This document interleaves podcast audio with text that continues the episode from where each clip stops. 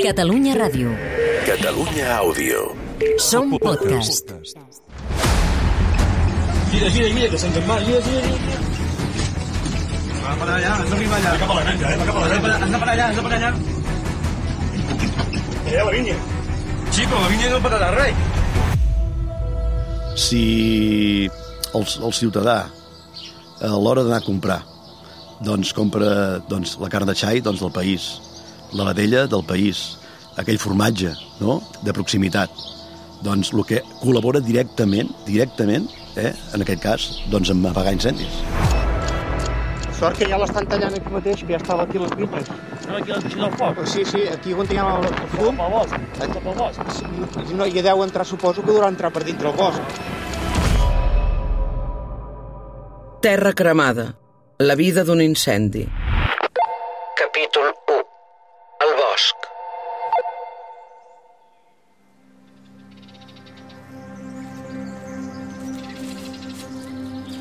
Gairebé el 40% de la superfície de Catalunya és de bosc. Això són 1.250.000 camps de futbol, l'equivalent a les demarcacions de Girona i Tarragona senceres. Són milions d'arbres que viuen en comunitat, la llar de centenars d'animals i espècies, un pulmó verd que inspira i expira constantment. El nostre pulmó, el nostre oxigen. Els boscos fan que aquest món sigui habitable. És aquí on neix la vida. Però sempre hi ha una amenaça, present i intimidadora. L'amenaça del foc.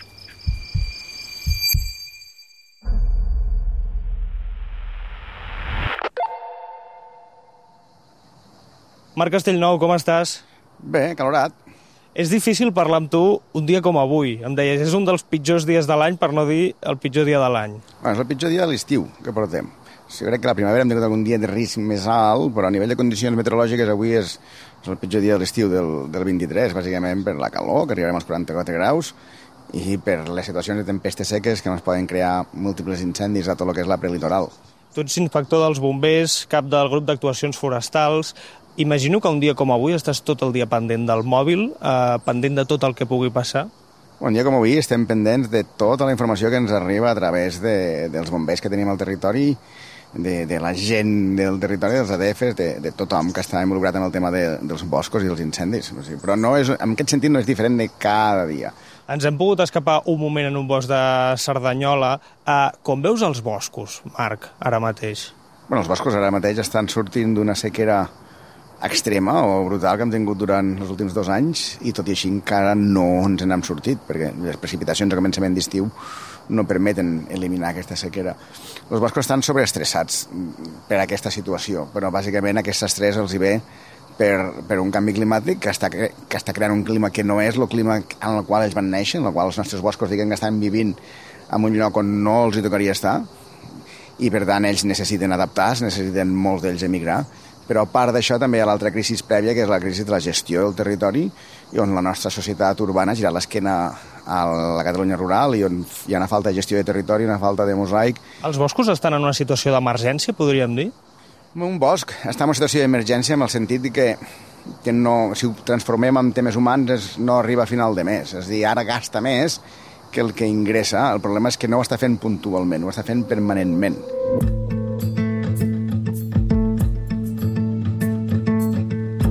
Tu, Marc, quant temps portes aquí al cos de bombers?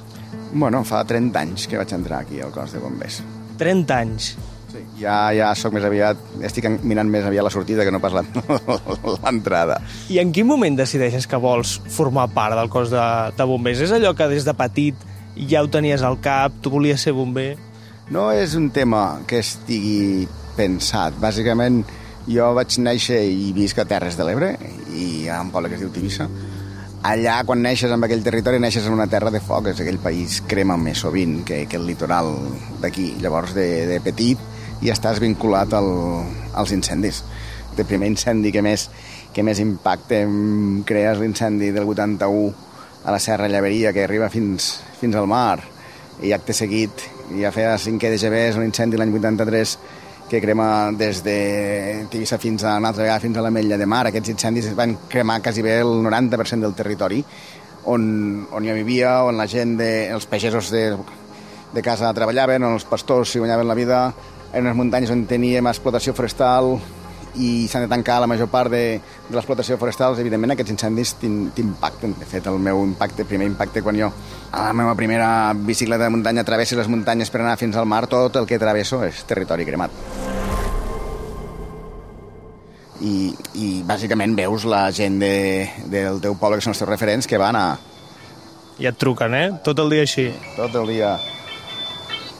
Digue'm, digues. Menys l'Empordà, sí, no? Si l'Empordà si fa tramuntana, mira tu, no. I la Sud, mira tu com estarà. Si recuperen les humitats, donem festa, si no, no. Vale? Vinga, ara. No tenim cap incendi de moment? No, no tenim un incendi. Tenim problemes de gestió de personal.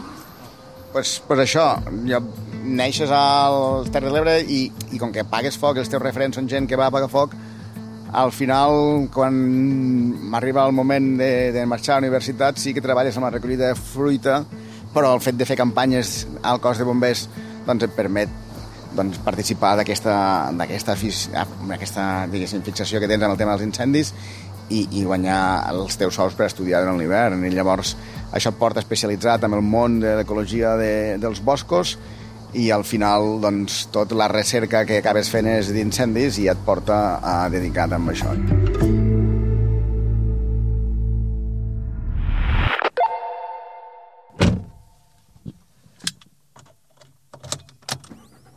És impossible parlar de boscos i d'incendis sense els bombers, però també sense els pagesos. Ara estic anant cap al Bages per conèixer un pagès de Cabrianes que en sap molt de tot plegat.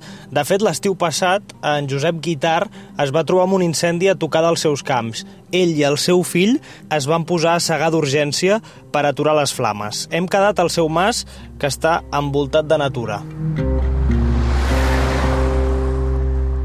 Josep, com estàs? Hola, bon dia. I aquí al costat tenim l'Albert. Albert, com estàs? Hola, bon dia, molt bé.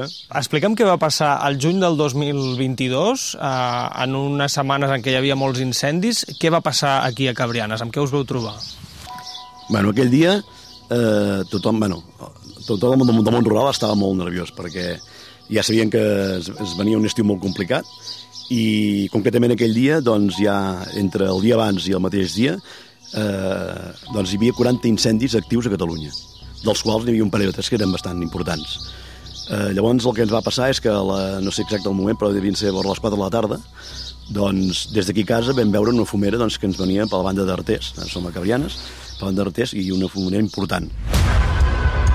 De seguida, eh, nosaltres ja tenim també contacte amb ADFs, en aquest cas les Tres Branques, que és el que tenim aquí al nostre municipi, però ja vam anar amb, amb, conjuntament amb Albert, que em va venir a ajudar ràpid a desenganxar el remolc que teníem per anar a segar, doncs ficar-hi el cultivador en aquest cas, que és una màquina que el que fa és quan passes doncs, el rostoll doncs, el trinxa i fa terra per parar, per parar el foc. Doncs vam enganxar corrents i vam anar directament cap on hi havia, on hi havia l'origen de l'incendi. Cap aquí no ve, eh? Gira, gira, gira, que se'ns en va, gira, gira, gira doncs vam començar a llaurar doncs des de, des de l'inici de, per on pujava l'incendi amb camps perquè no, no es anés estenent ràpid perquè en aquells dies hem de recordar que encara va ser molt d'hora això, encara havien de començar a segar molts camps, i molts encara estaven amb el blat alt i l'ordi per segar. I el foc corre molt de pressa Llavors, al poder intervenir ràpid, el que fèiem era doncs, eh, doncs fer franges que es anava aturant el foc. Sort que ja l'estan tallant aquí mateix, que ja estava aquí les vinyes. No, aquí a les del foc? Sí, sí, aquí on tinguem el, el fum. No, hi deu entrar, suposo que durà entrar per dintre el bosc.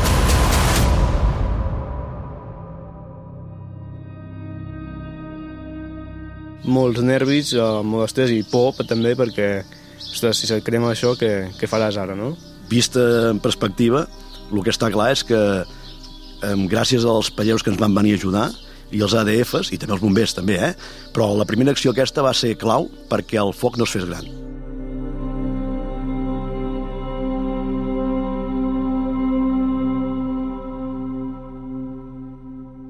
Finalment tot va quedar en un ensurt. L'actuació d'en Josep i dels equips d'extinció va ajudar a frenar les flames que hi havia aquí a la vora. Però sigui com sigui, la pagesia és clau per evitar que els boscos cremin. Ens hem oblidat dels pagesos eh, durant els últims anys, durant les últimes dècades? Bueno, durant les últimes dècades Catalunya s'ha fet una societat urbana, ha girat l'esquena al territori, els ha considerat una feina de segones i sobretot els ha considerat un servei de segones. L'agricultura és considerada un servei primari pel que produeix, però l'agricultura és un servei terciari perquè presta uns serveis de territori, de paisatge, de seguretat. Vull dir, no, no, no han valorat el que aporta i hem tingut una mentalitat colonial. Catalunya actua com una colònia, bàsicament explotant els pagesos del tercer món a costa de protegir el seu entorn per fabricar uns boscos que després tenen uns problemes d'incendis que necessitem invertir el que no hem invertit en la pagesia per apagar aquests incendis. Llavors, cal que equilibrem el territori, cal que entenguem que quan comprem vi del Penedès estem comprant un mosaic agrícola forestal a l'entorn de l'àrea metropolitana que ens protegeix d'aquests grans incendis. Cal que entenguem que quan consumim productes de ramats del Pirineu estem gestionant aquests Pirineus, que quan comprem oli de les Garrigues estem garantint el mosaic agrícola de les Garrigues, el Parc Natural del Montsant o, o, o, o, o tot el que hi ha allà implicat. O sigui, cal que entenguem que com a país hem d'estar arrelats al territori. No, no, el territori no s'aguanta per si sol. Si el, el ciutadà, a l'hora d'anar a comprar, doncs compra doncs, la carn de xai doncs, del país, la vedella del país, aquell formatge no? de proximitat. Doncs el que col·labora directament, directament, eh, en aquest cas, doncs, amb apagar incendis. A nivell, també col·labora a nivell econòmic. Col·labora amb la petjada de carboni, que sigui molt més minsa. No és el mateix portar eh, carn d'Argentina eh, o, o menjar carn de, que cas de cabrianes. És evident. És, és un segle tancat importantíssim. I, evidentment, pels incendis també. I si volem tindre unes situacions on s'amortigui la temperatura del canvi climàtic, en tinguem els embassaments plens i puguem viure a ciutat, necessitem un territori viu, un territori que gestioni tots aquests problemes, i en aquest moment no el tenim, hem girat l'esquena i cal que tornem a recuperar aquesta simetria de, de territori perquè siguem sostenibles, perquè si no, no som sostenibles com a país. Això vol dir que quan escollim quins productes esmorzem, per exemple, estem participant de l'extinció d'incendis indirectament o directament? Estàs participant de l'extinció d'incendis o de l'eliminació de la pagesia. És a dir, si tu prioritzes productes portats a l'exterior, hi ha molta gent un dia que ah, consumim soja productes tropicals, o que és molt sostenible, però estem arrasant l'Amazones per fer això a costa de, de protegir un territori nostre que el podríem tindre amb molta més diversitat i hem d'entendre que el nostre territori, si té espais oberts espais tancats, té més diversitat que si només és un espai tancat. Però sí, en la manera com consumim, determinem la nostra relació amb el paisatge que ens envolta i, i és una opció personal formar part d'aquest país i del manteniment d'aquest país o oblidar-nos d'aquest país i després plorar quan, quan crema. Josep, per anar acabant, tenim aquí l'Albert, que ens ha dit que vol ser pagès. Uh, amb què creus que es trobarà durant les pròximes dècades? Pel que fa als incendis eh? i pel que fa a la gestió del territori, amb què creus que es trobarà? No sé, eh, tenim l'experiència nosaltres. Desitjaria doncs, que siguem conscients no? i que com a col·lectiu, tots, la pagesia, no? el moment de ciutat, no? polítics, tots, que hi hagi una reflexió jo crec que encara hi som a temps, eh? anem tard, però crec que som a temps i que s'hanguin polítiques i entre tots doncs busquem solucions doncs perquè no ens passi, perquè recuperar, recuperar un territori eh, quan s'ha cremat eh, són dues generacions, quasi bé. Albert, tu com ho veus? Quan sents el teu pare parlar d'això, de la gestió del territori, dels incendis, què en penses?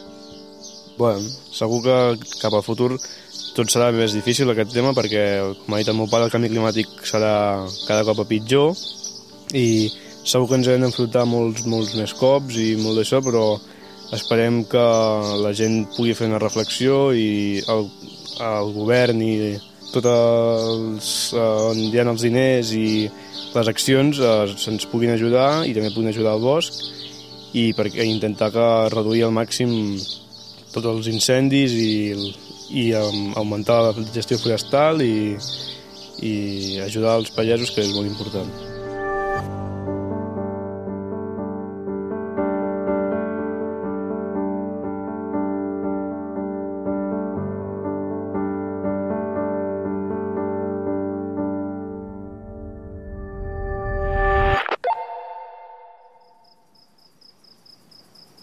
La vida dels boscos és responsabilitat de tots – la natura ferma i resistent va trobant la manera de trampejar els obstacles. Però sempre pot arribar una espurna que ho alteri tot.